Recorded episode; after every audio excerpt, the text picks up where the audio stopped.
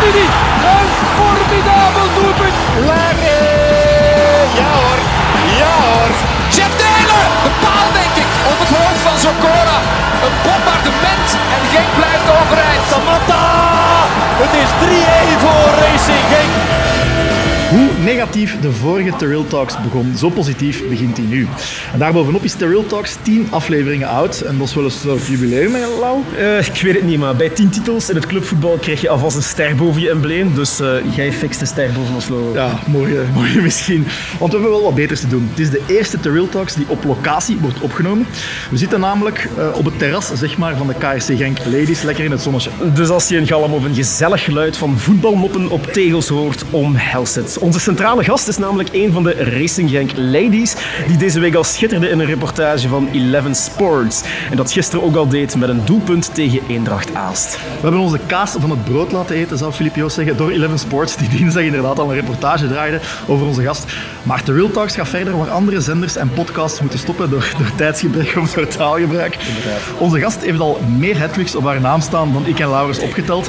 Het rug nummer 13 heeft daar nog geen windeieren gelegd. We zijn dan ook zeer blij dat Gwen Duisters van Racing Genk Levies even tijd voor ons heeft gemaakt. Ik ben Laurens, naast mij zit Tio, of beter gezegd staat Tio. Je luistert naar aflevering 10 van The Road Talks.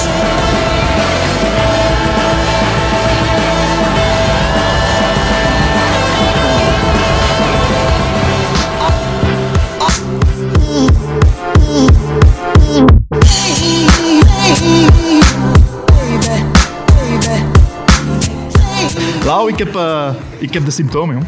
Welke symptomen? Eh, ja, ik heb mij laten testen. Eh, ik heb bekerkoorts.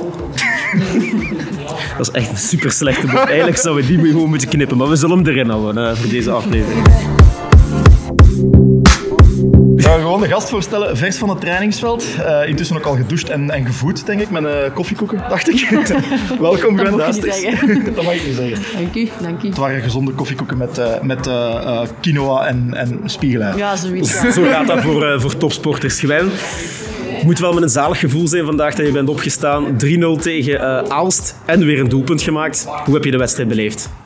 Ja, heerlijk. Hè? Ehm, het was een heel, heel fijne match met heel veel ehm, aanvallend voetbal. Dan weet je wel dat, dat het goed gaat. Allee, dan heb je toch een goed gevoel vanaf het begin van de match. We hadden de match in de handen. En dan vanaf dat je die goalen begint te maken, dan, dan, dan gaat het alleen maar beter. En als je dan vandaag opstaat, dan met dat winning gevoel opstaan, er is niks beter dan dat. Rustige, rustige training gehad vandaag. Ik heb, allee, de, de coach kijkt met één oog mee. Ja, op zaterdag is Niemand minder dan Guido Prepels. Op zaterdag is het meestal gewoon een, een rustige hersteltraining met wat techniek in. ehm, om eigenlijk maandag terug wat fit te zijn. Hoe was het om voor het oog van de camera van die Eleven Sports te staan? Ja, spannend wel. Dat doet je niet iedere dag. Zeker als vrouw eh, zijn we dat toch niet echt gewoon. Was het uw vuurdoop voor nationale media? Allee, of toch betaalde media, of moeten we dat zeggen? Ik denk het wel. Ik denk dat dat mijn eerste keer was, ja. Ja? ja. Oké, kijk goed. En nu al de tweede keer. Oké, wij zijn minder professioneel. Maar Ja. het is wel veel toffer. Dat kan ik u wel. Het is wel de eerste podcast die ik opneem, dus dat is ook wel Eerste voor mij een jubileum.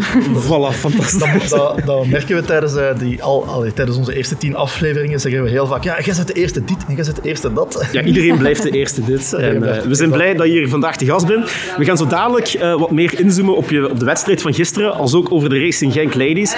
Maar eh, we moeten ook eventjes de wedstrijd natuurlijk eh, van tegen Mechelen onder de loep nemen. Tio, wat vond jij van de partij? Ik vond de openingsfase geweldig. Je zag meteen dat het, dat een knaller ging worden. Ehm, waar ik de vorige aflevering nog over heb gepraat, dat de gegenpress volledig weg was. Die is nu weer helemaal terug van weg geweest. Je zag meteen dat van zodra we de bal verloren, twee, drie man, vaak onder leiding van Patrick Rossowski, dat die gegenpress echt helemaal terug is. Jongens hebben zichtbaar vertrouwen getankt. Ziet u ook. Ehm, het enige negatieve dat ik kan zeggen, ik vond KV Mechelen opvallend zwak. Dat dan weer wel, zonder af te doen aan de prestatie van, van eh, onze jongens. Hè. Eh, zonder eh, inderdaad af te doen aan de prestatie van onze jongens. Maar het moet inderdaad gezegd zijn dat ja, KV Mechelen echt gewoon ontzettend, ontstellend zwak was. Maar inderdaad, die gegenpress, beter gezegd, die kwam er ja, beter uit op tot zijn recht. Ik vond voornamelijk Ito een zeer goede partij spelen, als ook Munoz en Torstvet, die herrezen Ongelooflijk, leek. Dus de superlatieven schieten uh, tekort. En uh, ja, ook opvallende wissels die doorgevoerd werden. Zo kwam Luca Ooyen in de ploeg, als ook um, Cyril Dessers. Jeppa. dus inderdaad, Flying Cyril kwam, kwam in de ploeg. En ja, beide hebben ook een zeer goede en mature prestatie afgeleverd. Mm. Ik vond die assist van Dessers, ja, dat was wel eentje vanuit de boekjes. Over, over Dessers is er wel een beetje een, een debat gaande. Hè. Ik kijk ook naar u, Gwen. Um, ja, velen zeggen, zet hem erop, geef hem meer tijd, hem meer kansen. Uh, ja, hij heeft nu twee assists gegeven in die wedstrijd. Woog voortdurend uh, met zijn energie op die, op die verdediging van Mechelen. Had misschien wel altijd een goaltje moeten maken. Ik weet niet hoe, hoe dat jij er naar kijkt als spits. Ja, uh, Cyril heeft in mijn ogen een heel goede partij gespeeld. Hij was heel veel betrokken in het spel. Als je hem aanspeelt, hij kon die bal altijd bijhouden. Hij kon even zorgen voor die aansluiting van achteruit. En, en, en verdeelde mee het spel van voor. Hij was ook altijd gevaarlijk. Ik denk dat de verdediging op, op zich echt wel moeite met hem had. Um, het is alleen jammer dat hij dan toch zelf die goal niet maakte. Want ja, hij, heeft, heeft drie, vier kansen gehad. En dat hem echt wel gewoon moest shotten, maar dat hem kapt en dat hij te veel tijd neemt. Is dat vertrouwen voor een spits? Ja, hij mist gewoon op dit moment, in mijn ogen, mist hij vertrouwen. Geef hem een paar matchen. En ik zeg, als hij na 10 minuten die, die goal gewoon direct binnenshot, dan heeft hij vertrouwen voor de rest van de, van de match. En ben ik er zeker van dat hij nog een tweede of, of misschien zelfs drie golen maakt die match. Ja, hij heeft ook pech, hè. bal op de lat onder meer. Maar dat treuzelen, dat viel mij inderdaad ook op. Hij, hij wachtte lang, hij kapte lang en dan, uh, ja, dan, dan, geeft hij een slechte paas. En dan is, uh, is de kans natuurlijk vliegen. Hè. Die, die, dus... bal op de, die bal op de lat daar naar, naar het einde, een fantastische pas van uh, Rosowski, moet ook gezegd worden. Daar knalt hij dan wel ineens direct. En is technisch, denk ik, allee, ik kijk ook naar jou, zeer moeilijk. Hè? Ja, maar daar denkt hij gewoon niet na. met zijn linker dat, dat hem die pakte. Hè? Daar denkt hij gewoon niet na. Die bal die komt, hij neemt die aan, of ja, hij controleert die en hij schiet gewoon direct. Mhm. Terwijl bij die andere kansen, hij, hij speelt zich dan zo goed vrij bij die kansen. Hij komt daar voor de keeper en dan, wil hij, dan denkt hij volgens mij te veel na en twijfelt hij, gaat hij kappen, treuzelt hij en kans voorbij. En dat is ook wel wat hij iets te vaak bij zijn invalbeurten doet. Want op zich, met zijn, met zijn energie zoals gezegd, is hij altijd wel aanwezig in het spel. het enige jammer is gewoon dat hij vertrouwen mist voor het doel. Als, als spits kan ik daarvan meespreken. Geef hem even wat kans. En vanaf dat die, die eerste golen vallen, gaat je zien dat Cyril ook gaat herrezen worden, zoals Torstvet. Ja. Wie was voor jullie uh, de man van de wedstrijd? Ik heb gestemd op, uh, op uh, Torstvet wel. logisch. Ik vind Torstvet is zo'n beetje de de exponent van het herrezen Genk, zeg maar. hè. Uh, hij staat daar nu, dus uh, we kunnen wel bevestigen dat de, dat de opstelling, of dat de veldbezetting liever van Joe van den Brom, dat dan een 4-2-3-1 is, zoals we hebben gezien in dat heel vet filmpje van Inside the Cup. Dat was een... 4-2-3-1 uh, en Torsvet staat daar dan centraal op 10. Ja, dat past hem wel. Hij doet me een beetje denken aan Raúl Garcia van uh, Atletiek Bilbao. Ik weet niet of dat iedereen hem kent, maar aanvallende middenvelder ook. Hij is niet snel, maar wel sterk, slim, mes tussen de tanden. hij speelt vaak in de rol van een schaduwspits achter de spits. Dat is dan meestal Iñaki Williams. Um, en ik vind Torstvet, ja, ziet echt hetzelfde. Ook goede wisselwerking met Dessers. Hè. Uh, Dessers gaat diep, Torstvet haakt af, vice versa. Um, en in balverlies stonden ze bijna allebei op uh, één lijn. Dus in balverlies leek het soms op een 4-2-2. Ja. Uh, 4-4-2. Is dit dan dus, misschien het recept voor de toekomst? Met onder meer Rozovski, Heine en Torstvet binnen de lijnen? Wat mij betreft is dit aanvallend het beste middenveld dat we momenteel erop kunnen zetten. En daar, schorde, allee, daar, daar knelde een schoentje toch wel wat. Ehm, ik wil alleen zien als we... Als we allee, kom, laten we... Laten we voor, uh, voor good cause ervan uitgaan dat we play-off 1 halen. Fingers crossed. Dat, dat, dat, zal hopelijk wel. Is van, ja, dat zal hopelijk van hout, denk ik. Um, op Jan Breidel zou ik nu niet zo gaan spelen, bijvoorbeeld. Uh, zou ik misschien toch opteren voor een Kouassi om echt als, uh, als af en Kouassi, dat, dat, dat gaan we, ja. die gaan we toch niet meer brengen. Maar ik snap het profiel, maar... Het dat, profiel geweldig. Bon, daar kunnen we later wel over discussiëren, ja. na, na, de match op Jan Breidel. um, maar nee, ik vind, uh, om terug op uw vraag te komen, ja, dit, dit, is wel de blauwdruk, denk ik, van hoe KRC Genk verder moet. Hè? Inderdaad, daar ga ik, ga ik gewoon mee akkoord. Hè. Ik vond het ook een beetje een, een wedstrijd binnen een wedstrijd tussen twee jeugdspelers van Racing Genk in doel. Uh, Koeken tegenover Van de Voort. En dan vind ik toch wel dat als je de beide spelers in vergelijking uh, in de balans houdt, ja, dat uh, Maarten van de Voort er ook gewoon heel goed uitkomt. Hè. Koeken die een paar keer mistaste. Dus het levende bewijs, het grote bewijs waarom ja, het gerechtvaardigd is dat Maarten van de Voort ons doel verdedigt en niet Gaetan Koeken. Dus dat vond ik ook wel even in de marge iets wat mij opviel. Ik, ja, ik denk ook wel dat, dat Van de Voort vrij weinig werk heeft gehad. Terwijl dat Koeken, ja, die golen die vallen, die waren ook gewoon vrij goed afgewerkt in mijn ogen, waar dat die niet echt een antwoord op kon Maar, ja, maken. maar hij kwam toch een paar keer zeer onoordeelkundig uit. Ja, ja, ja, ja, absoluut, dat klopt wel, ja. ja. Hij heeft ook heel veel kritiek gekregen, intussen ook van de KV Mechelen-fans, eh, ziet je op, eh, op, op sociale media. En in de sappige comments van HLM, nee, dat is niet waar. dat ben ik niet gaan lezen. Ehm, maar je ziet, ja, ze zijn er ook niet super content mee daar. Hè. Eh, ik denk de 2-0, allee, als, als voormalig doelman, de 2-0 was wel te vermijden, denk ik, als hij iets beter uitkomt. Nu was wel een heel goede voorzet van Luca, echt zo'n een die pas heel laat valt. Eh, perfect gekopt, perfect, nee, het was niet perfect gekopt van Munoz. Klimt heel goed, eh, maar kopt vrij centraal. Eh, en dan eh, de 4-1 van, van Theo, er zat een rare zwiep op die bal. Ja. maar Ja. daar Maar dat was- dat was- er ook niet heel goed uit. Nee, maar het was ook wel ook vintage, vintage Theo. Die Tuurlijk. Dus ja. ook goede invalbeurt. Maakte er ook wel een raar gebaar eh, nadat hij het doelpunt scoorde. Wat, zou dat betekenen? Hij Ik was niet echt blij in mijn ogen. Ik denk dat hij Nee. toch niet tevreden is dat, dat Luca, op, Luca op zijn plaats stond. Hij heeft er toch wel wat moeite mee, denk ik. Ja, en dat brengt ons naadloos weer bij de vraag van, ja, staat iedereen in de spelersgroep achter John van der Brom? Is dat nog een punt of niet? Als je ze ziet spelen, als je de energie ziet waarmee ze, waarmee ze spelen, waarmee ze het plan dat ze hebben uitgedokterd, waarschijnlijk ook wel samen gedaan, hoe ze dat uitvoeren, denk ik wel. Er gaan altijd individuen zijn. Eh, ik denk dat het soms gewoon nodig is dat, dat Theo een beetje geprikkeld wordt. en dat hij wordt, nu, ja. Ik ben heel blij dat hij zijn goal heeft gemaakt, dat hij toch wel kan zien van kijk, ik kan het nog wel. Want dat hij ook weet van als ik een beetje het laat hangen, staat Luca achter mij klaar. En ja, die heeft ook wel eh, opnieuw en opnieuw tegen KV Mechelen eh, hoge, hoge ogen gegooid, zeg maar. Dus, Ja, een zeer goede voorzet. En daar mankeerde het ook ons een beetje aan. Hè? Dus eh, jongens met een zeer goede voorzet, ook Arteaga. eh, inderdaad, dus eh, daar hebben we het ook al over gehad, die met enkele voorzet op maat kwam. Dat was ook gewoon een gemis, ook om je spitsen op een goede manier te bereiken. hè? De aanvoer is heel belangrijk. Hè? Ja. Ik, eh, dat was echt wel iets wat ik de afgelopen matchen, en dan spreken we toch al over een heel deel matchen, gewoon miste. Van die flanken, die voorzetten kwamen gewoon nooit goed. Heel dikwijls komen die gewoon niet voorbij de eerste paal. Ja. ik vind op zo'n niveau moeten die voorzetten goed komen. En dan maak je iedere match drie, vier golen. Maar dat misten we gewoon de afgelopen wedstrijden. En dat is nu wel terug. En dat maakt ook dat ze zo vlot en goed speelden tegen Mechelen. Die voorzetten die kwamen eindelijk eens goed. Ja, en ik denk dat zoiets ook een zegen kan zijn voor bijvoorbeeld Paul Onuachu. Hij zat nu wel op de bank eh, in de wedstrijd tegen Mechelen. Maar ja, hij was ook minder in vorm de laatste week, net omdat de toevoer of de aanvoer ja, zo zwak was. Dus ehm, dat, dat is toch wel een gunstige evolutie.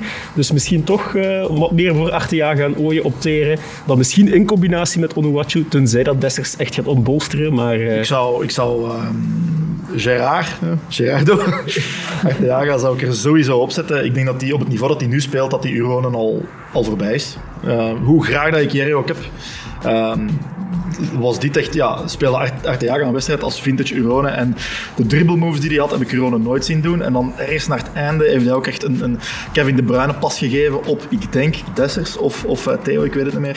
Waarvan je denkt van, wauw, waar komt dat ineens vandaan? Dus eh Genki Dama, laat maar staan. En jij ging uw, eh, uw eerste kind Genki Dama noemen, hè? had je gezegd in de... Kan ik daar nog op terugkomen? allereerste- nee, nee, nee. Ik excuseer mij nu al bij mijn vriendin.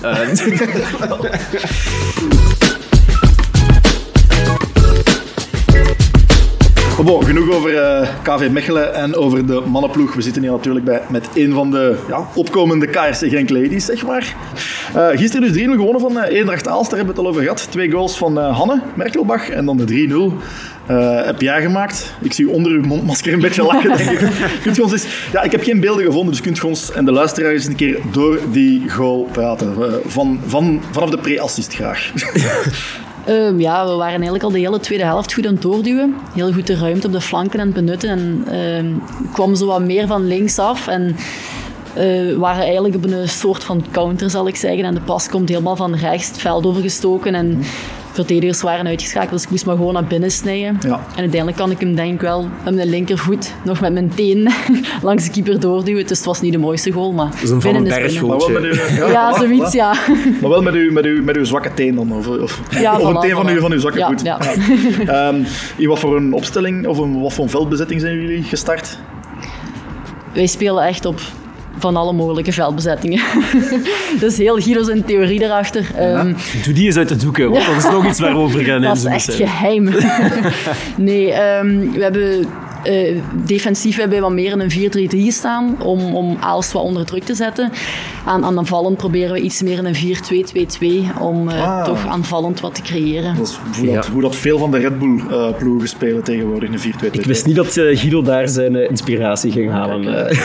toch wel in die gegenpress wel, Die ja. gegenpress, ja, heel, heel Is veel arbeid. Ja, ja, absoluut, Guido. En, en eh, wel, dat is heel interessant. Hoe, hoe traint je daarop, op een gegenpress? Is dat echt eh, ja, dat is super intensief ten eerste Ja, al? ja. Dus, Ehm, ik denk dat wij een van de ploegen zijn die fysiek het meest sterk zijn als je dat bekijkt ten opzichte van andere ploegen.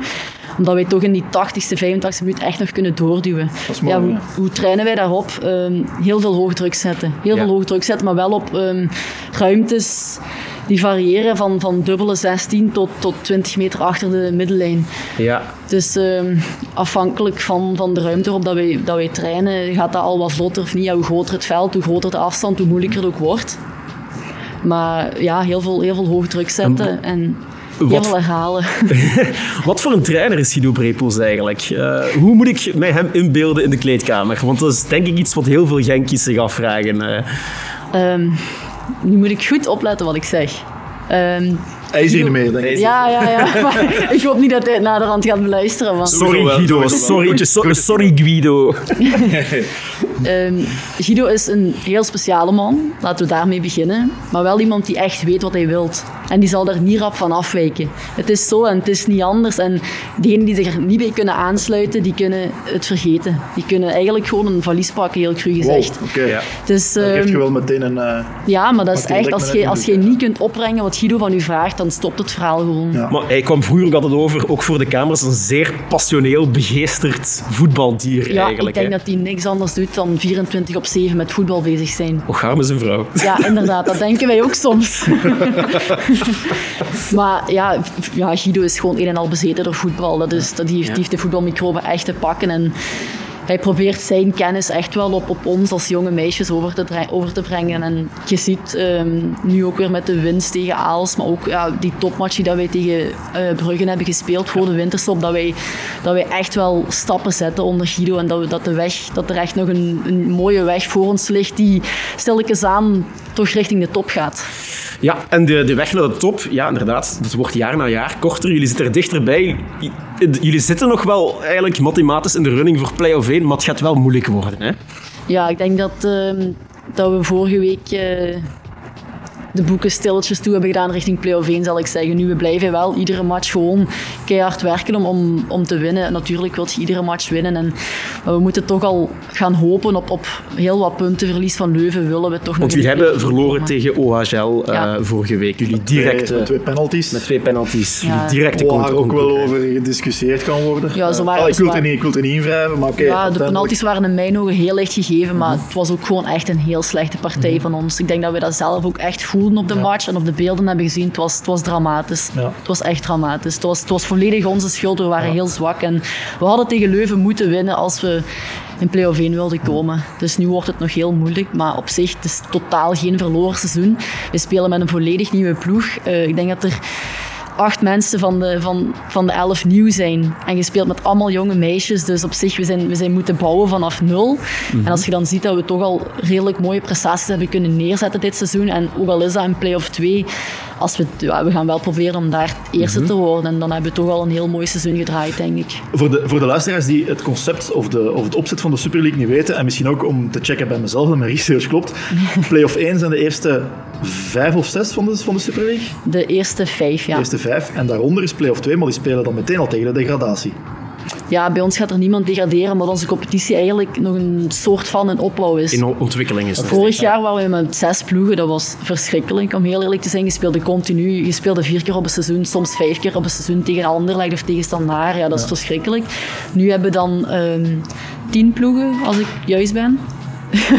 nu ben ik zelf Dat is- even aan het zeer Ik belangrijk. aan het nadenken, maar ja, dat lijkt wel te kloppen, ja. Nu goed, als jullie toch niet kunnen degraderen, maakt het niet uit om er eigenlijk enkel Ja, maar toch, het is, het is voor jezelf op zich. En, en, en ja, je leert eruit. Maar ja, we willen toch wel eerste worden in play-off Ja. 2. Want dat zou toch mooi zijn met deze groep die dat we nu hebben. En zondag staat er een heel belangrijke clash op het menu. De wedstrijd tegen Anderlecht. Dan speel je, dan speel je eigenlijk tegen eh, ja, de grote namen, Tessa Willaert en consorten. Hoe bereid je zo'n wedstrijd voor mentaal? Ik heb wel het gevoel in mezelf van dat alles mogelijk is, maar uiteindelijk weet je wel dat de kans klein is dat je punten gaat pakken. Dus ik verwacht er niet heel veel van. Maar het feit dat we gisteren vertrouwen hebben kunnen tanken tegen Aalst, ehm, geeft ons wel weer de moed om, om 200% te geven tegen Anderlecht. En het Anderlecht echt het vuur aan het schenen te leggen om eruit te halen wat dat we eruit kunnen halen op die manier. Ze, ze hebben nu een reeks van 45 op 45 gehaald. Maar ik zeg altijd, een reeks is altijd memorabel, vooral wanneer ze wordt gestopt. Oh, ik ben echt gebrand om die te stoppen. Dat ik wel. hoop echt en zeker dat wij dat We're kunnen doen. coming Die- for you, Tessa. Ja, Gaan we, gaan we Hattrick Gewen eh, in actie zien? Ja, daar zullen we niet van uitgaan, maar wie weet. Ik ben al blij als ik een, eh, als ik een goaltje kan meepikken tegen Anderlecht zou mooi zijn. En als we er van achter niet te veel binnen laten, als we Tessa een beetje uit de match houden. Maar niet alleen Tessa, je hebt daar ook een tien in lopen, je hebt daar... ah, eh, ja, een Teurlings, je hebt daar echt, ja, dat is allemaal gewoon top. Wat dat die daar op het, op het veld hebben staan, op de bank. Dus het is een kwestie van een heel goede organisatie neer te zetten. En ehm, als wij goed in ons blok spelen, dan kunnen we misschien op de counter er wel eens uitkomen. En, en wie weet dan, wie weet. Of een penalty of een rode kaart voor, eh, Ja, ja, van, de, wie van, de, weet, van de ja. toppers daar. Hè. Ja. Het is dat. Ja. Ehm, ja, om het toch nog even eerst over, over u te hebben, want straks gaan we nog wat dieper in op de, op de competitie zelf, denk ik, en op, eh, allee, op de toekomst ervan, zeg maar. Eh, we weten dat je KRC Genk supporter bent. Eh, wat was er eerst, voetballer gewoon of eh KRC Genk supporter gewoon? Dat is een heel moeilijke vraag. Ik denk dat dat een beetje gelijktijdig is gekomen. Ik ben rond mijn zesde beginnen voetballen bij, bij de jongens. En daar waren ook wel wat supporters van Genk. En mijn bompa die was een supporter van Genk en die heeft mij destijds ingeschreven bij de kidsclub. Nog met Bluebee in de tijd. Ah ja, de befaamde. Ja, ja. En ehm, ja, altijd op die Sinterklaasfeestjes aanwezig en zo. En op een gegeven moment, denk ik, toen ik 12 of 13 was, had ik een abonnement. Maar ik was daarvoor wel echt al, al hevige supporter. En ik was zo eentje die daar altijd met de, op op de foto wou met die spelers en zo. Dus ik denk wel dat het wat gelijktijdig is opgekomen. Wie was altijd jouw eh, favoriete speler? Ja, dat is ieder jaar anders. Want Dat is het is van komen en gaan eigenlijk. Hè. ik, ik maar was ik altijd ben- zo'n Besley of van. Ik weet ik, niet waarom. eh, ah, ik, ja, bij mij was het Jelle Vossen. Ah, oef. ja. Controversieel, maar goed, ik snap het wel. Ja, maar dat was, dat was in zijn tijd. Dat was ja, ja, ben- Dat was ook Mr. Racing Genk echt toen. Dus, eh, Ja, en, en ik vond in die tijd, eh, als ik speel over 2012 en zo, die mannen die speelden echt nog met een hart voor de club. En nu, die komen en die gaan. En dat vind ik wel een beetje jammer. En, en toen was het nog met Buffel, met Barda, met, met Vossen. Ja, dat waren voor mij de mannen. Hè? Gwen, ik ga jou een controversiële vraag stellen. Carrière uitdoen bij Racing Genk of toch nog een grote transfer versieren? Carrière uit in Genk. Wow, dat is een mooie Maar ik moet voorzichtig zijn met dat lachen, eh, ik moet voorzichtig zijn, want wie weet eh, wie volgend jaar veld of zo. Ja. Maar ja, weet je, als vrouw is het... Als man kun je zeggen, ik doe niet transfer, ik pak mijn gezin mee. Maar bij een vrouw is dat heel anders. Ik kan die transfer wel doen, maar eerst en vooral moet ik mijn studies afmaken. Want nu dat ik zo ver ben gekomen, ja, ga ik die niet stopzetten. Dat is één ding. En ten tweede, ja, als ik ga, dan moet ik alleen gaan. En dan laat ik mijn hele familie achter. En dat is voor mij toch moeilijk. Ja, dat is Was voor dan, mij... was dan zo de echte, de grootste namen van Europa of van de wereld eh, in clubvoetbal van, eh, van de vrouwenteams? Ehm, PSG is sowieso een topclub. Ehm, wie hebben we dan nog? Ja, nu moet ik echt nadenken, want ik volg dat, ja, dat komt niet zo in de media. Dus, Ja, Tine ehm, de Kenny is, is naar Hoffenheim gegaan. Is, Ja. dat, is dat een grote naam eh, in Europa? Of, of in Duitsland misschien? ja, in Duitsland is vooral zo Wolfsburg en zo. Ah, ja, Ehm, ja. Wolfsburg is daar wel echt een topclub. Ehm, Manchester City. Ja, weet je, zo de standaardnamen Toch zo grotendeels Ja, dezelfde ja, namen die terugkomen. Ja. En is er zo iemand waar jij je aan spiegelt binnen het vrouwenvoetbal? Spits die echt grote stieren maakt bij bijvoorbeeld Wolfsburg of, eh, of PSG? Nee, eigenlijk niet. Ik volg veel meer mannenvoetbal dan vrouwenvoetbal. Is, Dus- er, is er een mannelijke spits waarmee je je zou vergelijken? Of, of voor, over het, soort, het, soort, het type spits dat je bent? Niet echt, maar ik kijk wel enorm op naar Le- eh, Robert Lewandowski. Die zie ik echt heel graag spelen. En ja, ik denk dat dat ook wel een van de betere spitsen is. Die heeft ook eh, al een paar hat-tricks gemaakt. Ja, voilà. Ziet, ik probeer die gewoon na te doen. Ik weet nog ehm, dat ik toen ik mijn eerste hat had gemaakt dit seizoen, had ik voor de match een filmpje van hem gekeken. En ja, ik heb hem gewoon nagedaan. Dus eh, dat was geheim. Eh, Gwen, je hebt het er juist ook al eventjes aangehaald. Je studies, hoe combineer je dat met het voetbal? Want dat moet toch lood, lood, loodzwaar zijn? Ja, ja, dat kun je wel stellen. Ja. Ehm, eerst en vooral een heel goede planning. Alles heel goed op voorhand plannen. Ehm, en je moet ook gewoon de juiste, de juiste inzet hebben, de juiste mindset om op je vrije momenten niet in de zetel te gaan liggen, maar ja, met school bezig te zijn. Ik heb heel weinig vrije momenten. Ik zit zelden voor de zetel. Als ik al eens een serie kijk, dan, eh, dan is het ja, tijdens het eten of tijdens het tandenpoetsen. Dus ja, mijn vrije moment is gewoon altijd studeren, studeren, studeren. Dus we gaan nu, allee, nu met corona sowieso niet, maar we gaan u nooit zien op eh, kantussen en dergelijke. Ik moet heel eerlijk zijn, ik, ben, ik studeer nu vier jaar in diepe mee. Ik ben nog nooit naar een TD geweest of naar een kantus. Hou het zo, hou het zo. want Ik en Lau hebben allebei ook, ook gevoetbald en dat doet niet deugd aan de... Nee, nee, inderdaad. Ja, weet je, voor ons is dat ook heel moeilijk, omdat wij, wij trainen op donderdagavond. Op donderdagavond zijn meestal TD's om dan na training u te wassen en dan nog te vertrekken. Ja. Waar, waar droom je nog van in je carrière? Ik heb geen heel grote dromen. Voor mij is mijn droom op dit moment uitgekomen. Hier bij Genk spelen, voor deze club van, van mijn hart uitkomen. En alleen hoop ik nog wat meer goal te maken en nog belangrijker voor de ploeg te worden. Maar dat is voor mij wel echt mijn ultieme droom. Mijn, mijn ultieme droom. Je zat, eh, je zat al in, bij de jeugd al, heb, heb je al een paar caps verzameld zeg maar, voor, de, voor de jonge Red Flames. EK in Engeland komt eraan in 2022. Is dat, is dat iets wat al leuk zou meegenomen zijn? Of is dat een doel op zich om, eh, om bij de selectie te geraken? Ik ben er eigenlijk helemaal totaal niet mee bezig. Eh, omdat ik weet dat de concurrentie voor mijn plaats ook wel heel hoog is. Wie zijn de, de grote concurrenten daar? Eh, ja, Tessa Willaert, eh Janice Kaiman, Ja. ehm, Ella van Kerkhoven. Allemaal speelsters met veel meer ervaring, met veel meer body. Ehm, ja, daar kan ik op dit moment nog niet aan tippen. Nee, maar binnen twee jaar, allee, anderhalf jaar ongeveer.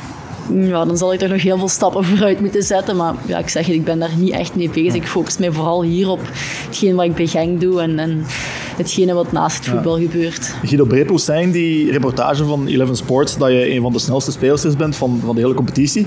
Maar dat je, dat je ehm, technisch rampzalig was.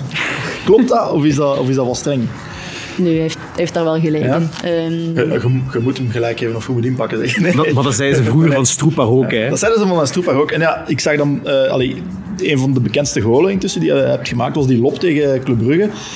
Daar moet je technisch toch al iets voor kunnen, denk ik. Ofwel ligt Ja, maar dat standaard is, gewoon zeer dat, is, dat, is, dat is meer in, in het afwerken, is dat wel, maar echt balvaardigheid, dat balletje Mhm. aannemen en gaan dribbelen en manneken uitschakelen, dat is totaal niet mijn ding. Ik moet kunnen lopen. Ik, ik heb heel veel vrijheid nodig op mijn veld en, en ik moet gewoon subtiele passen tussen de verdediging hebben om, om dan één op één met de keeper te komen. En dat is allemaal voor mij geen probleem, tussen haakjes om het zo te zeggen.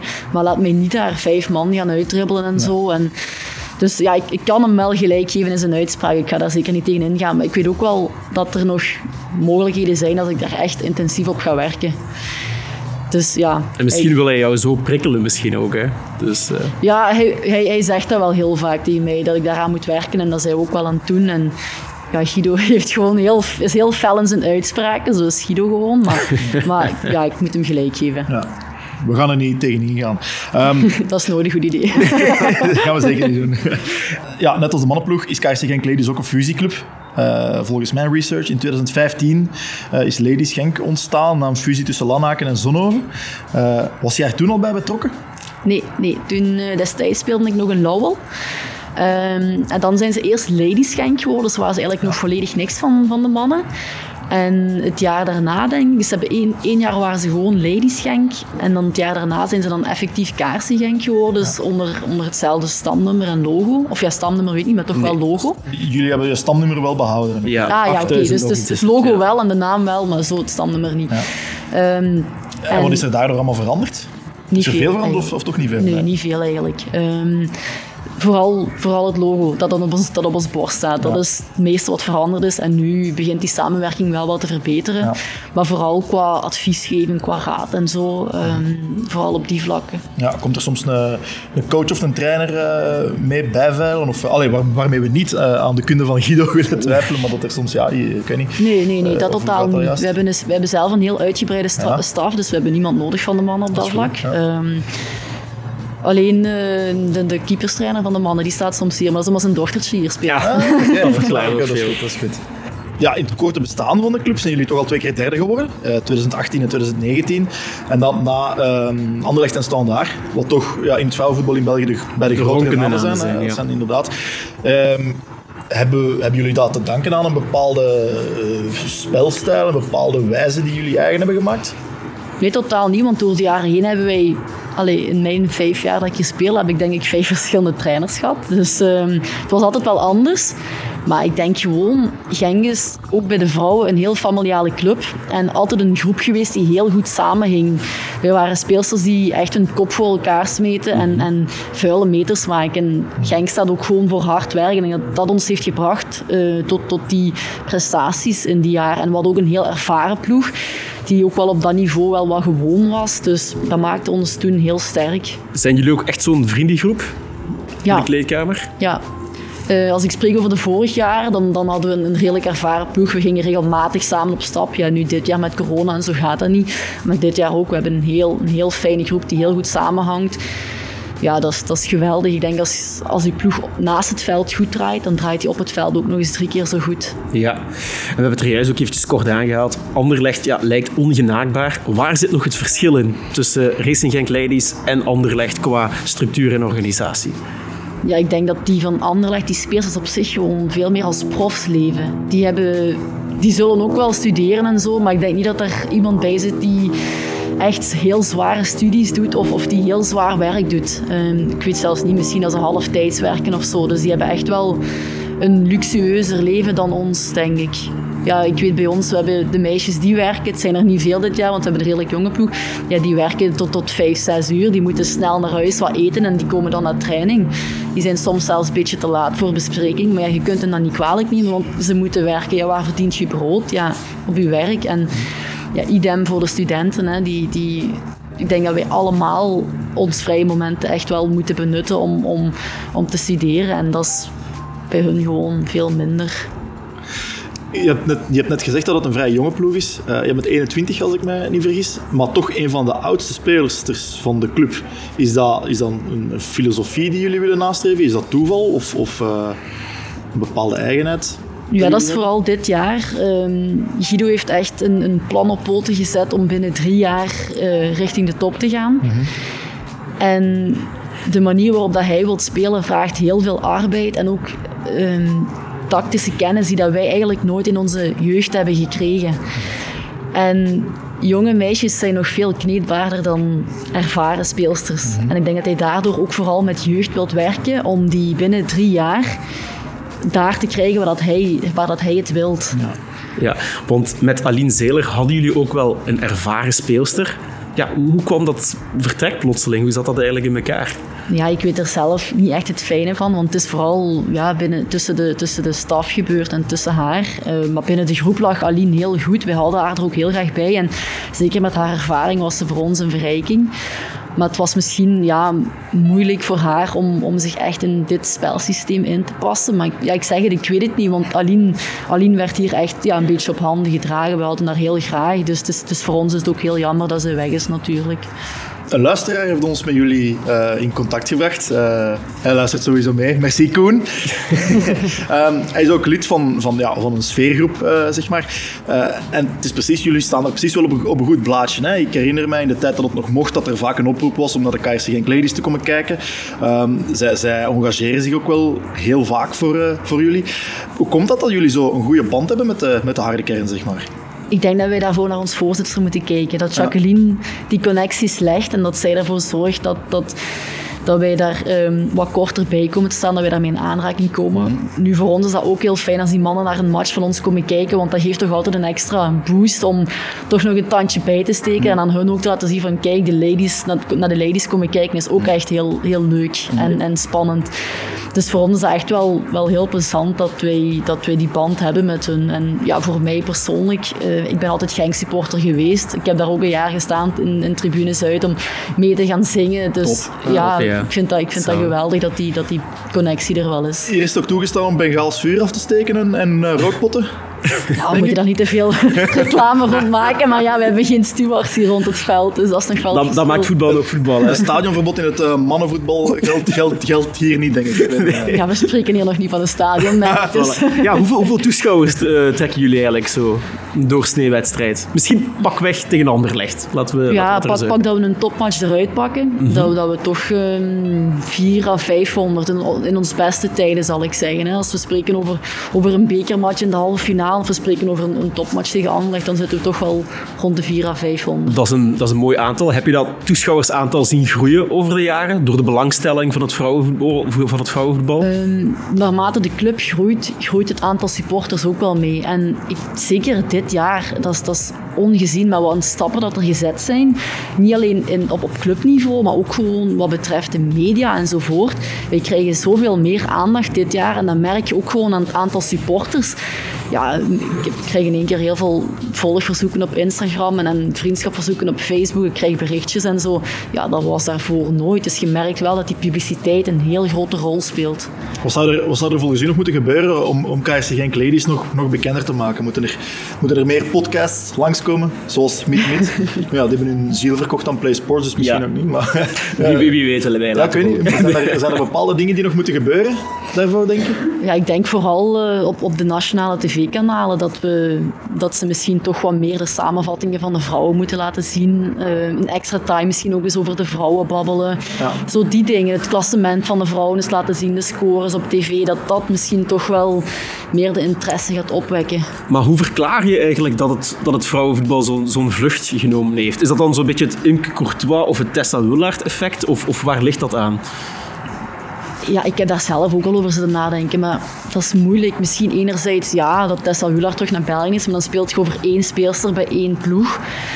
Maar als we het dan hebben over echt de, de hele competitie die meer leeft dit jaar, ja, enerzijds dankzij corona, want er is heel weinig sport, dus de sport die er is, krijgt meer aandacht.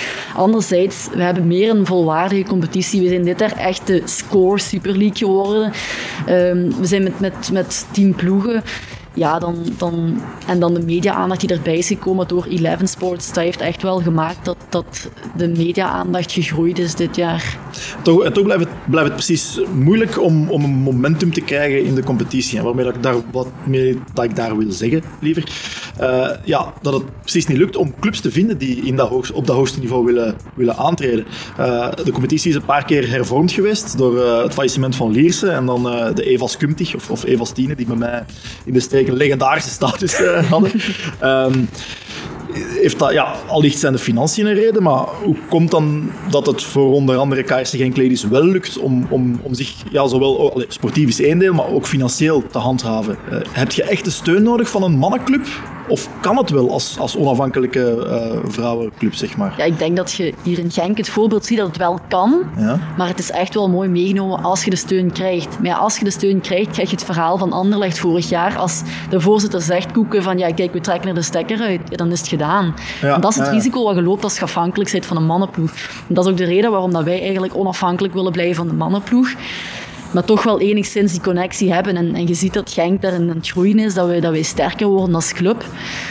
Ehm, ja, dan is het gewoon een kwestie van, van geduldig zijn, denk ik. Om, om toch wel daarin te groeien.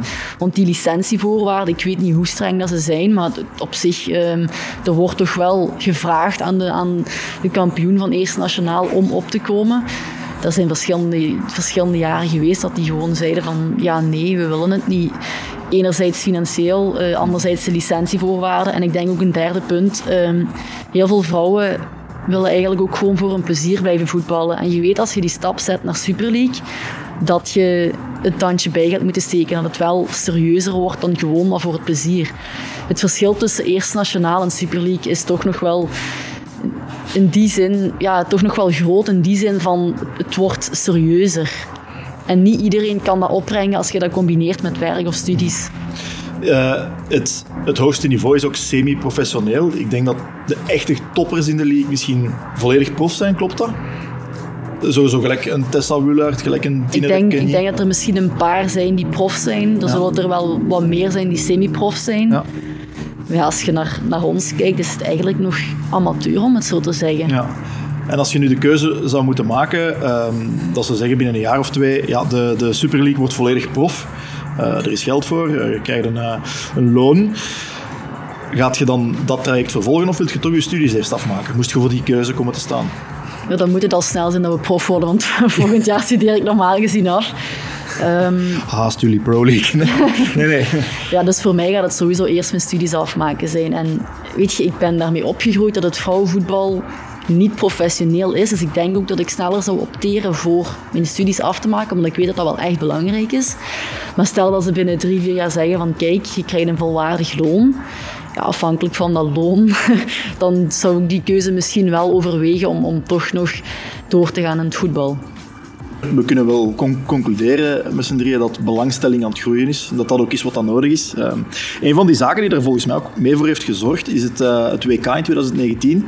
Dat eh, gewonnen is door, eh, door de VS. Maar dat bracht vrouwenvoetbal. Dat was de eerste keer dat ik een, een vrouwenvoetbaltoernooi op de nationale tv kon zien. Eh, ook al deed België zelfs niet mee. Hè, en dat was een, eh, onder impuls van sterren als eh, eh, Alex Morgan, Megan Rap Rapinoe, denk ik dat je het uitspreekt. Ja. Zijn de VS kam- kampioen geworden. Ehm, ja, daar was weinig aan te doen, denk ik ten eerste. Het niveau van de, van de VS in het vrouwenvoetbal is astronomisch, Al, al, denk ik. al lang. Hè. Het, het vrouwenvoetbal was populairder dan het mannenvoetbal in de VS Ja. in de jaren 90. Ik, ik weet niet hoe dat zo organisch gegroeid is daar, eh, dat dat het geval was. Maar ja, zo zie je maar. Hè. Dus het is een, echt een, eh, een, een sterk merk in het eh, vrouwenvoetbal, de Verenigde Staten en de clubs uit, eh, uit de States. hè. Zijn, zijn daar ook zo de traditionele landen, de grote landen? Zo, ik, zeg, ik zeg maar iets Brazilië, ja, de meeste kennen misschien Marta. Ja. Ja. Dat, was, dat was ook een heel bekende. Eh, voor de rest zijn er nog zo top. Ja, als we naar het vrouwenvoetbal kijken, oké, je hebt Amerika en zo, dat is al sowieso atypisch. Als je kijkt naar de mannen van Amerika, pff, ik zou zelfs amper weten wie daarbij speelt, bij wijze van Binnen vijf jaar gaan we ze allemaal kennen. Ja, voilà, ja. ehm, maar in, in het vrouwenvoetbal, zeker als ik binnen Europa kijk, zijn de, de Noorderlanden toch wel, als je spreekt over Noorwegen, Zweden, daar zijn, dat, zijn toch wel de toplanden eigenlijk. Die staan wat verder. En waar zou je België ergens rangschikken? Moest je het op een top 50 doen, zeg maar. Ja, ze staan, ze staan nu juist in Europa, denk ik, op de tiende plaats, dat ik heb gelezen. mooi, hè? Dat is al Dat is goed, aardig. maar er is toch nog wel echt een heel groot verschil. Dus je kunt die klassifiëren bij, allee, bij landen zoals als Denemarken en zo. Dus ik denk dat ze rond dat niveau wel Ja. zitten. Recent is er nog verloren van, van, eh, van Nederland, vrij zwaar. Eh, dat was wel een domper. En dan iets eervoller tegen Duitsland. Eh, nu, de kwalificatiecampagne was wel, was wel knap. Het was even heel, heel niet met eh, Zwitserland, maar toch allee, gekwalificeerd voor het EK. Ehm, schieten wij als land nog ergens tekort om toch stappen te zetten naar het niveau van Nederland en, en Duitsland, eh, wat toch Ja. twee, twee buurlanden zijn, zeg maar. Ik denk dat wij op heel veel vlakken nog tekort schieten. Je ziet dat dat echt wel, dat die al een paar stappen voorstaan op waar dat wij met, in België als, als vrouwenvoetbal staan. Dus er is nog heel veel progressie mogelijk in mijn ogen wat betreft ehm, nationaal vrouwenvoetbal. Willen wij echt gaan tippen aan, aan onze buurlanden? Ja, ja, je spreekt hier over 30 kilometer over de grens. en 30 kilometer verder zit je in Nederland. En daar leeft het wel veel meer. Daar zijn ze wel veel sterker en veel beter. Dat is het eigenlijk Nederlanders top in Europa. Hè. Dus het is jammer dat wij, dat, wij, dat wij 30 kilometer van de grens dat niet kunnen Ja. opbrengen. Dat niet kunnen realiseren om, om, om die stappen vooruit te zetten zoals dat hun dat doen. Maar ja, dat is, een, dat is een graduele evolutie. Ik denk wel dat dat binnen enkele jaren voor elkaar komt. Maar hoe, hoe, zie- hoe zie jij eigenlijk de toekomst van het vrouwenvoetbal? Gaat het op een bepaald moment zijn plafond bereiken? Of denk je dat het toch zijn voet gaat kunnen zetten naast het mannenvoetbal qua populariteit en dergelijke? Ik denk dat wij hier in België nooit onze voet naast mannenvoetbal gaan kunnen zetten, omdat mannenvoetbal hier gewoon zo gegeerd is.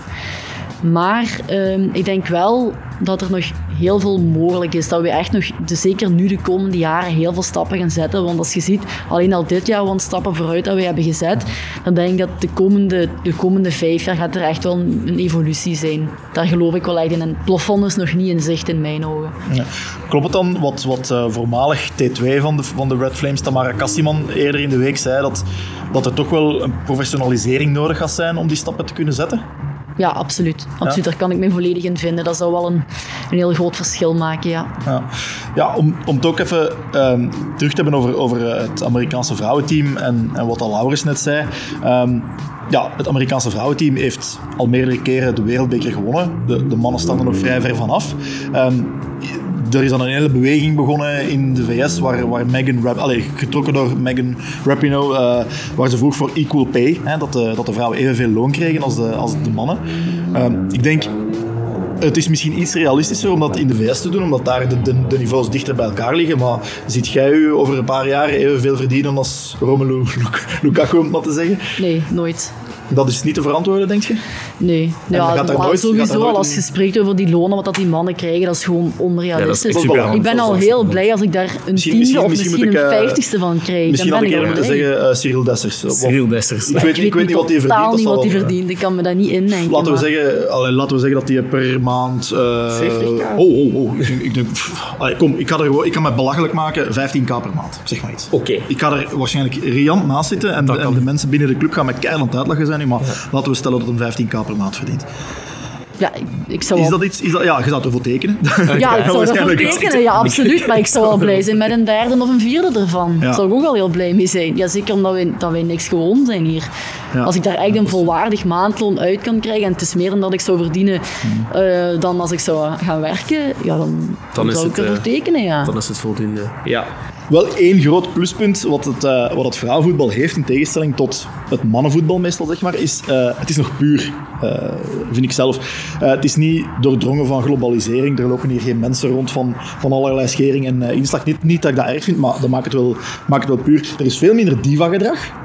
Eh, maar echt enorm veel, veel minder. En toch zo... eh, ja, je voelt nog steeds het lokale gevoel. En ik wil dat niet denigrerend zeggen, maar het voelt hier een beetje provinciaal aan. Maar wel professioneel. maar dat maakt voetbal ook puur. Wel, het is En ook professioneel. wel professioneel omkaderd. Ehm, je staat als fan ook dicht bij, de, dicht bij de speelster. Dus eigenlijk zouden de tribunes hier vol moeten zitten met die zogeheten voetbalhipsters. Hè, die naar Union en RWDM en, en Dynamo Dresden gaan en dergelijke.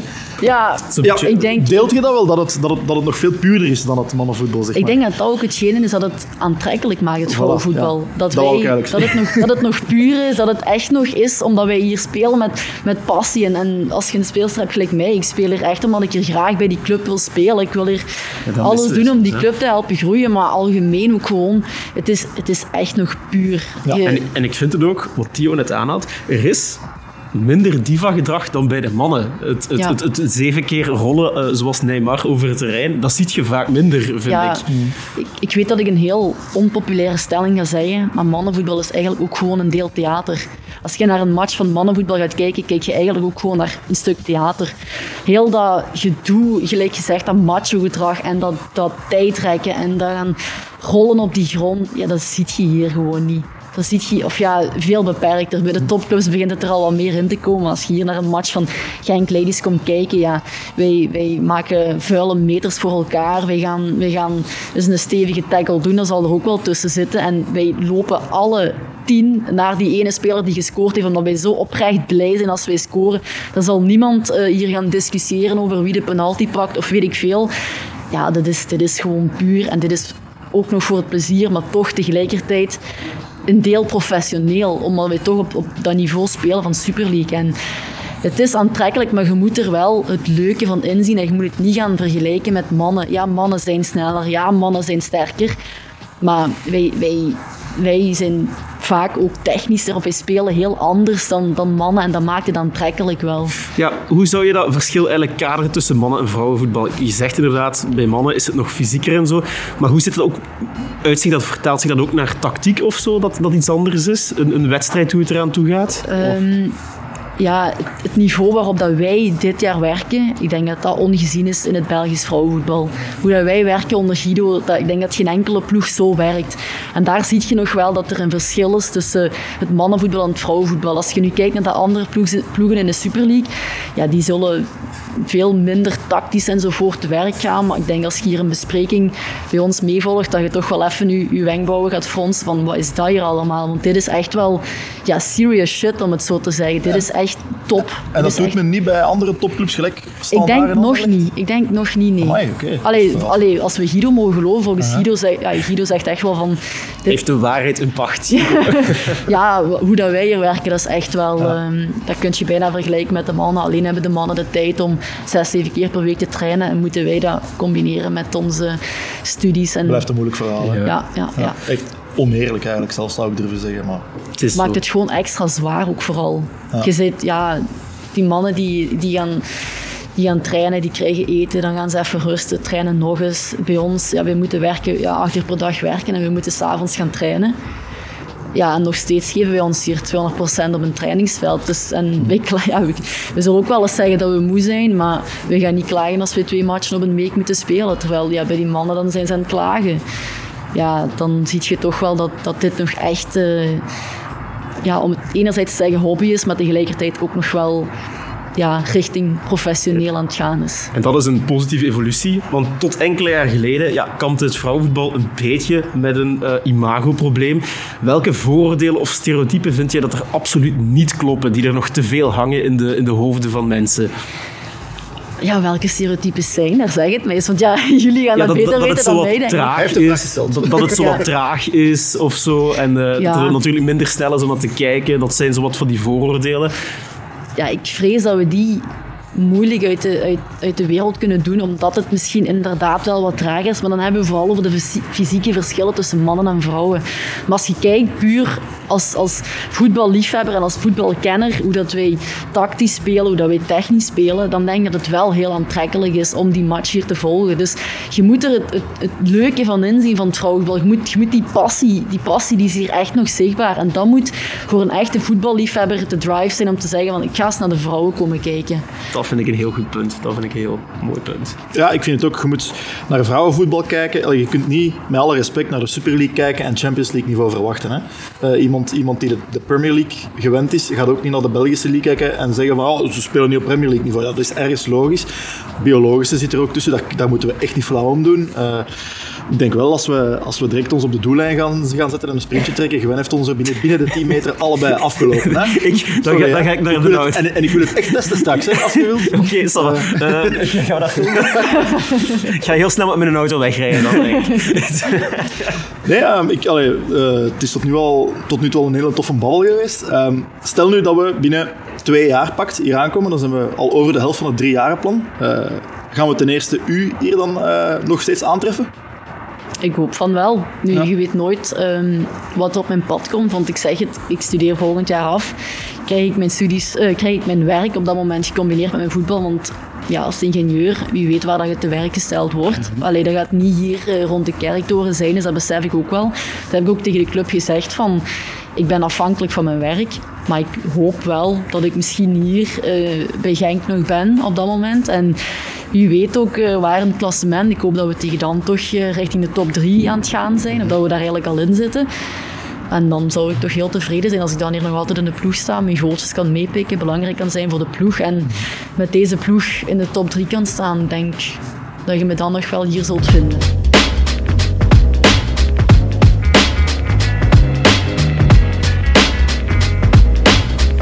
Draaien jullie muziek of, of hoe beleven jullie, laten we zeggen, een overwinning? Is dat hetzelfde? Is er dan zo, wie is de zotste doos van de groep? Ja, die hebt hier bij u staan aan tafel.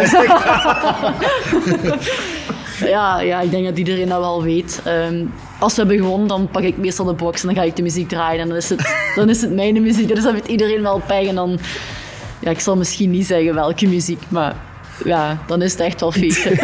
Over uw favoriete plaat, daar gaan we nog eh, zo dadelijk over terugkomen. Dus dat komt helemaal in orde. Welke muziek is het? Oh ja, snollebolletjes en zo. hè. standaard. Jawel, standaard als je hebt gewonnen. Snollebolletjes links, rechts. En dan, dan doet iedereen Die zijn mee. nog eens ooit live in de Nambi in Leuven komen optreden. Ik ben er naar gaan kijken. Oh, Zo die heerlijk. bierkatten en dan... Dat vind ik echt, daar kan ik echt op losgaan, jongens. Maar na een match moet dat ook gewoon. Hè. Dan moet je niet van die melige muziek hebben, dan is het gewoon eh, Ja, het is dat. stampen. Dan heeft Guido ook niks meer te zeggen over de muziek waarschijnlijk. Dat is het. Sowieso de, niet. de, de wet van. Ja. Snolle bolletjes herinner ik mij ook nog in een Ja, dat Ja, is- ja, ja, dat was... eh Dat is niet normaal. oh, goeie. Ik ga naar zijn festival normaal, dus. Hoppa! Als er nog eens ooit... Ja, ik ben echt... Ja. We kunnen ook nog, we kunnen ook nog een hele opnemen, centrale... We, Ja, we hebben dit. Hè, dus we kunnen ook een hele centrale topic over stolle bolletjes doen. over uw fascinatie voor stolle bolletjes. Snolle bolletjes na een match. Zo, Ja. ja. ik weet niet. Het, het, het voelt gewoon past ofwel raar dat bij of Racing Guns N'. Roses of zoiets. Ja, ja, het past heel raar ook bij Racing Gang. Zo, dat deels carnavaleske slash een beetje maaskant wat er zo aan komt in eh, Limburg gevoel. Limburg. Ja, gewoon een zot doen en helemaal losgaan erop. Dat moet toch ook gewoon na een gewone match. Het is dat, het is Ja. dat, het is dat, absoluut. Heerlijk toch?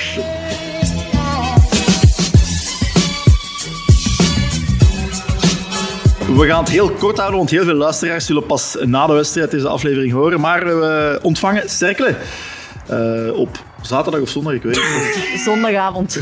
Zondag.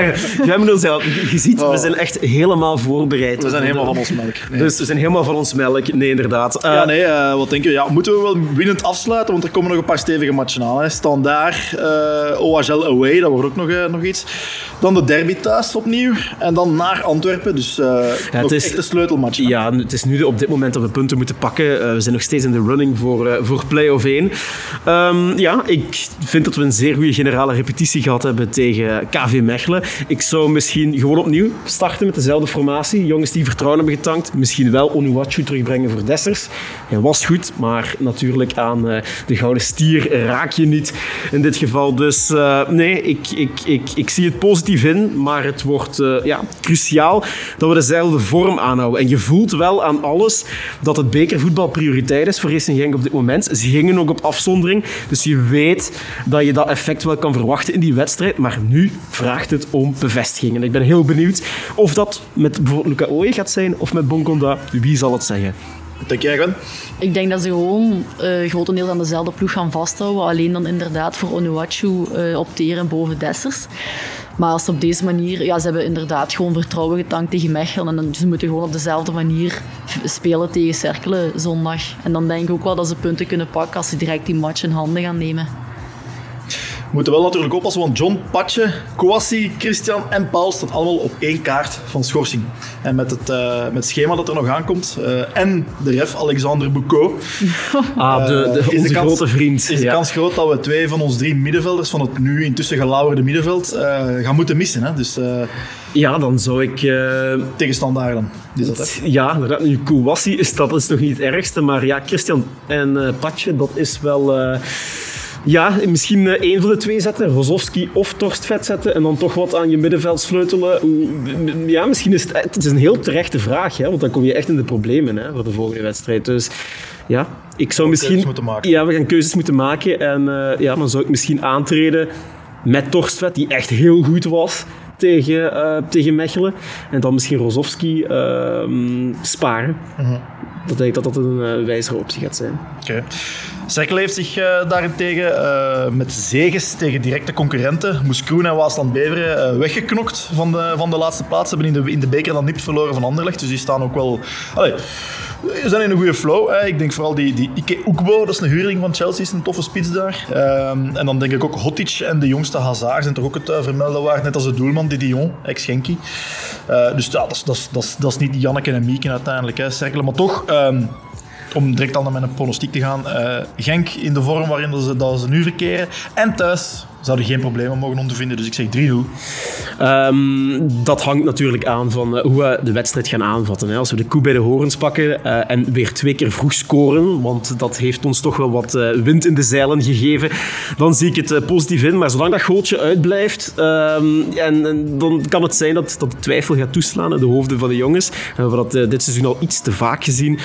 Um, maar ja, ik... ik, ik ik heb met superlatieven moeten gooien na de wedstrijd tegen Mechelen. Dus ik ga nu opnieuw positief zijn. 2-0 afgetekende overwinning met opnieuw twee zeer vroege doelpunten.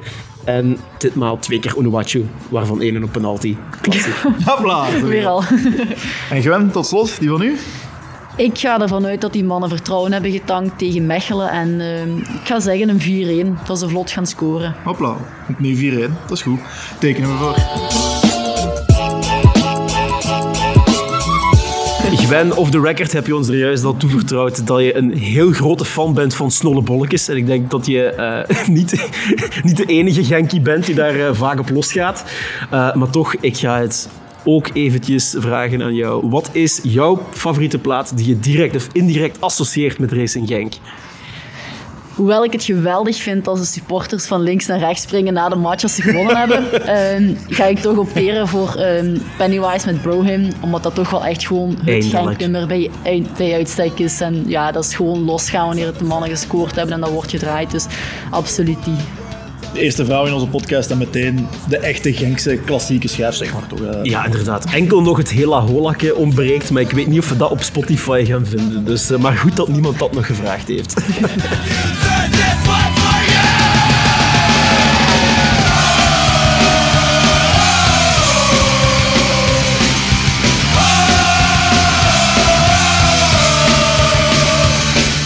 En dan zijn we helemaal rond. Voilà. Merci Gwen uh, om uh, tijd te maken. Ook aan Jacqueline, jullie voorzitter. Uh, en nogmaals Koen om ons in contact met jullie te brengen. En dan in aanloop naar de topper tegen Anderlecht. dus dat, dat belooft, ja, je gaat in het, het zwijgen opleggen. Hattrick. Mogen we verwachten. Eh, laten we hopen dat we, dat we ze toch van een mooie reeks kunnen stoppen Ja. en dat we eventueel toch een puntje kunnen afsnoepen. Dat zou echt top zijn. En vijf keer Tessa een panneke door de benen. Ja. Nee, kijk, eh, ik denk eh, oproepen naar de luisteraars. Van zodra het weer mag, eh, kom en masse kijken naar de, naar de wedstrijden van de, van de KRC Genk Ladies. www.ladiesgenk.com. Eh, denk ik, daar is de, de wedstrijdkalender. Of .be. .be, sorry. Wordt ja. hier gecorrigeerd, dat krijg je met live we gaan radio. live gecorrigeerd door de, door de. Ehm de kom, kom pas als er eh, Europees voet- voetbal is. Dan, eh. Ja. Nee, dus eh, van zodra het kan, eh, kom maar allemaal kijken. Het is hier super gezellig en op een mooie dag als vandaag kan het allemaal niet meer op. Gwen, dankjewel voor erbij te zijn. Heel graag gedaan. Ik ben blij dat ik erbij mocht zijn. Dank u wel. En ook jij bedankt opnieuw voor het trouwe luisteren. Help de Road Talks mee groeien. Deel de link to roadtalks.castos.com. Kom een babbeltje slaan op Facebook of Twitter. Wij antwoorden altijd. Kan soms wel even duren. Eh, volg of, of subscribe onze podcast ook op Spotify, Google Podcasts, Apple Podcasts en alle andere kanalen waar je ons vindt. En op Spotify is onze fameuze playlist trouwens ook te vinden. En blijf de Real Talks delen. Er zijn nog altijd Genkies daarbuiten die ons niet kennen. Dus sharen, caren waar je kan. Daar steun je ons enorm veel mee. Maar voor nu, bedankt voor het luisteren. En tot de volgende The Road Talks.